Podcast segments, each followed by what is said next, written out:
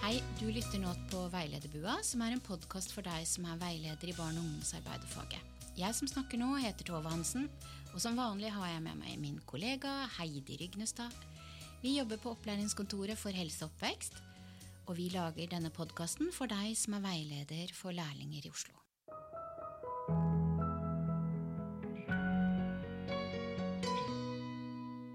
I dag skal vi snakke om hvordan man kan få lærlingen til å få, få økt evne til å evaluere aktiviteter. Heidi, noe av det som er utfordrende for lærlingene våre, er jo evaluering. Og det vi skal snakke om nå, er jo å evaluere aktiviteten sin.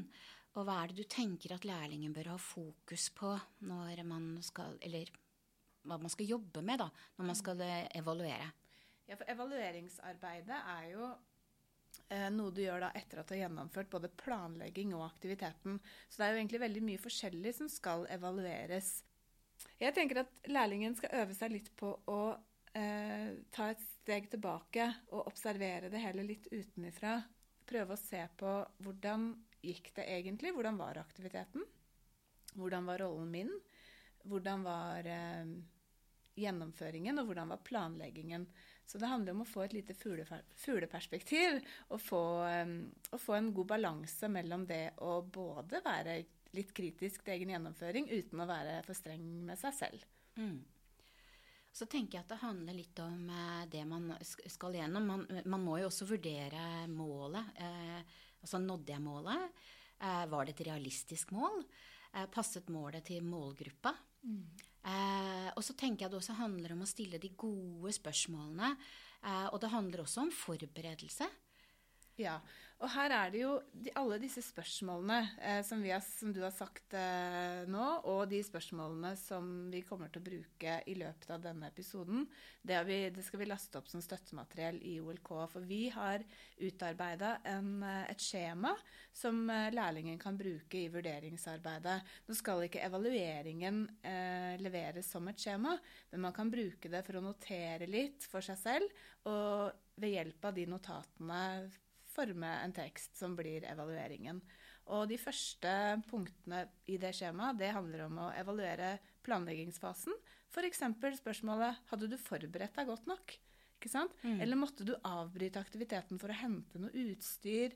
Eh, hadde du planlagt godt nok med, hadde lærlingen planlagt godt nok med eh, å ha hjelp av nok voksne? ikke sant? Så her er, her er, det mange gode spørsmål som kan være til nytte når, man, når lærlingen skal evaluere. Mm. Ja, for vi vet jo det at vi har jobbet såpass mange år begge to med barn at vi vet jo at det kan være ganske forstyrrende for ungene hvis den voksne faller fra. Mm. Så forberedelsen, men også det å Har du en god nok plan? Har du planlagt eh, godt nok? Det, det, tenker jeg også er viktig å vurdere. I tillegg til det så er det jo litt sånn eh, Eh, fikk jeg med meg barna på dette her. Og så opplevde jeg at ungene syns dette. Eller ungdommene. Fordi barn- og ungdomsarbeideren skal jo ikke bare jobbe med de yngste, det er jo fra 0 til 18. Og da, da, tenker jeg sånn Hvorfor nådde jeg ikke målgruppa? Og det syns jeg var fint du sa. Hvorfor nådde jeg ikke målgruppa? Eh, fordi det er jo ikke sånn at eh, en evaluering eh, blir dårlig hvis man skriver at aktiviteten gikk dårlig. Det aller viktigste med det er jo å si noe om hvordan det faktisk gikk, og ikke lyve gjennom evalueringen og si at alt gikk som jeg trodde, eller som jeg planla, hvis det ikke gjorde det. Sånn at en evaluering som peker på hva som ikke fungerte, hva som lærlingen kan gjøre neste gang, hva man har lært av å gjennomføre det på denne måten, og hvilke erfaringer man har gjort seg med det, det er jo det som er nyttig i dette. Mm. For det handler jo om å gi lærlingen, eller støtte lærlingen på det til å kunne reflektere godt, da. Og hvis du på en måte da ikke får til det du skal, ikke når målgruppa, så handler det om å sette seg ned, som Heidi sier, ta et skritt tilbake og se eh, hva kunne jeg gjort annerledes? Eh, hvorfor eh, gikk det som det gikk, og hvorfor klarte jeg ikke å motivere målgruppa? Og det tenker jeg er det aller viktigste vi kan eh, bidra med inn i for lærlingene, er å eh, gi dem en god eh, refleksjonsevne. Og det er klart at det som er litt av poenget med å gjøre en sånn evaluering, det er jo nettopp det å se seg selv litt utenfra, lære av sine feil. Og dersom man må gjøre noen endringer underveis, så er det sånn at de eh, Det er jo det man lærer av, ikke sant? Dersom man Dersom man nå brukte vi et eksempel i stad at man hadde glemt å ta med noe eller måtte avbryte aktiviteten for å hente noe mer. Det er jo, Hvis man skriver det i evalueringen, da, så er jo det eh, Gevinsten av det er jo at forhåpentligvis så har lærlingen da lært at neste gang skal jeg jaggu sørge for at jeg har med alt, sånn at jeg slipper den avbrytelsen. Eh, og da har man hatt en eh, Da har man jo lært noe og erfart noe og blitt enda bedre neste gang. Jeg tenker at mye av dette handler om faglige begrunnelser. fordi hvis du som barn- og ungdomsarbeider så skal man jo kunne begrunne faglig hvorfor eh, man eh, velger å gjøre en aktivitet overfor en viss aldersgruppe. Og det tenker jeg vi må støtte de på, fordi refleksjon handler om å se praksis og teori sammen.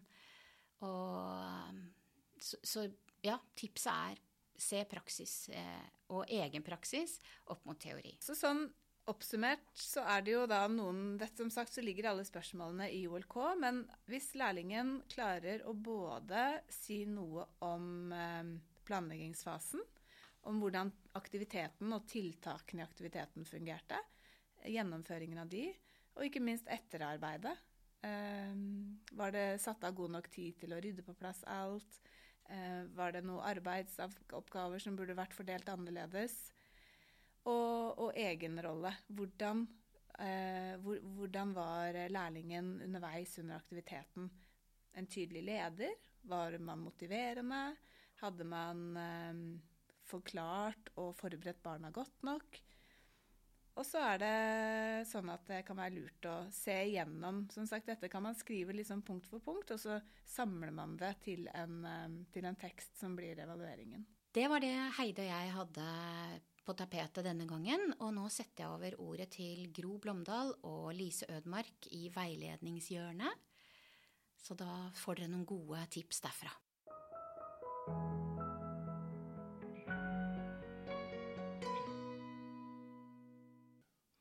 Hei og velkommen til Veiledningshjørnet. I dag skal vi være litt nysgjerrig på det som har gått bra. Det er lov å snakke litt om det av og til òg. Og vi skal prøve ut et verktøy som vi kaller høydepunktsoppgave. Ja, for dette er høydepunktsoppgave, blir det, eh, blir det kalt. Altså meg på mitt beste eh, kan den bli kalt. Det er en, en eh, sånn type oppgave som er tatt fra Løft-modellen. Så lø løsningsfokusert tilnærming. Det vil si Mm. fokusere på det positive, som du sa. Suksesshistorie har jeg også hørt. Så, helt, det er samme, samme gata. Ja, Eh, så kan jeg prøve ut på deg nå, da. Det kan du gjøre. Og da er mitt spørsmål til deg. Tenk tilbake på en situasjon eller en hendelse, en periode eh, lignende som fylte deg med, med stolthet, arbeidsglede, kreativitet. Altså fylte deg med positive ting. Kan komme fra jobben eller fra livet generelt. Ja. Har du, har du noe der? Jeg har én, i hvert fall. Mm. Ja, fortell litt om Det, dette. ja, det er privat, da. Det var et jubileum vi skulle feire, mannen min og jeg, og for en stund tilbake. Og da valgte vi å slå på stortromma, og det er jeg veldig glad vi gjorde, fordi eh, det ble en veldig fin feiring av et felles jubileum, og da inviterte vi Jeg tror vi inviterte over 50 gjester, jeg. Ja. For meg er det et stort arrangement. Ja. Hva skjedde sånn helt konkret? Nei, vi leide et eh, sted eh, som vi hadde vært på og visste var veldig trivelig. Og vi, vi visste de hadde god mat. Og så inviterte vi rubbel og bit av familie. Vi konsentrerte oss om familie. Men da oppover, nedover til sidene. Det var eh, fetter og kusiner og alt mulig. Ja. Så du, du, du sier at du er veldig glad for at du gjorde det. Det vil si at det var jo et veldig vellykka arrangement, da. Høres ut som, selv om det var svært. Arrangementet var vellykket, og det var jo helt på tampen i forhold til å få med gamle foreldre på noe sånt. Så det også var litt sånn så koselig at vi gjorde det, tenker jeg nå, i etterkant. Så godt vi fikk det til. Ja, du sier vi hele tida, for dere, det er du og Tor, det da. Det er jeg og mannen min Tor, ja. Mm. Så, men hva var det du gjorde? Hva er det klokeste som du gjorde oppi dette? Nei, du kan si at jeg var vel eh, en pådriver for det, og jeg sto for veldig mye av planleggingen. Og det ble En av grunnene til at det ble så bra, tror jeg var at det var godt planlagt. At jeg tenkte litt på hvordan skal alle ha det bra den kvelden, osv. Sant? At jeg planla på en sånn måte at eh, de kom jo fra to ulike familier, mange hadde ikke sett hverandre, osv. Så, videre, så det å ha tenkt gjennom det på forhånd tror jeg bidra, bidro mye. Ja, Så du hadde på en måte formulert et mål på forhånd, du da?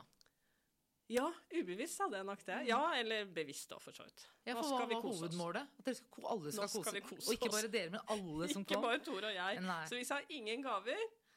Vi skal kose oss. Dere kommer hit. Dere betaler selv for overnatting hvis dere vil overnatte på dette fantastiske stedet oppe på Krokskogen.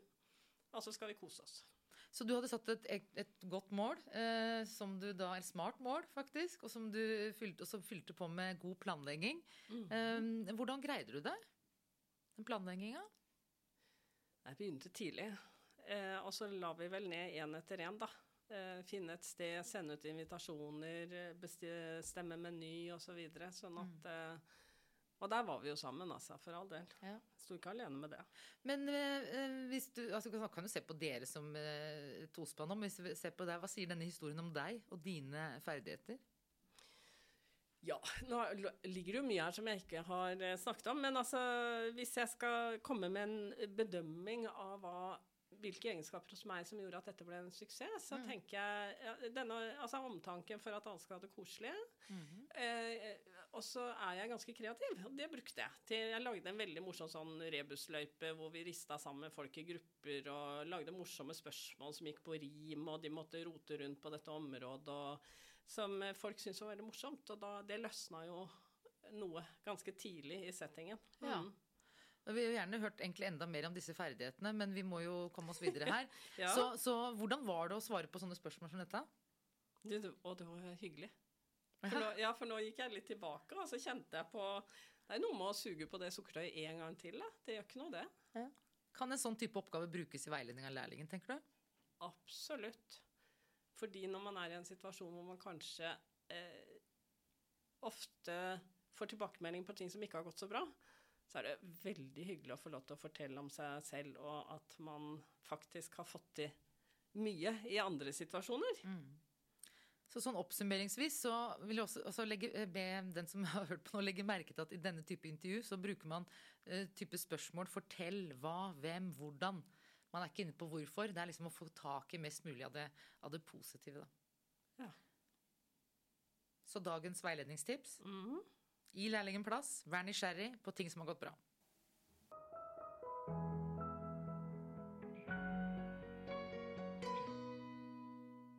Husk at du finner støttemateriell til denne podkastepisoden i OLK. Og vi tar gjerne imot innspill og spørsmål til podden. Og de kan du rette til oss enten på Facebook, Instagram, eller send oss en e-post eller ring konsulenten din.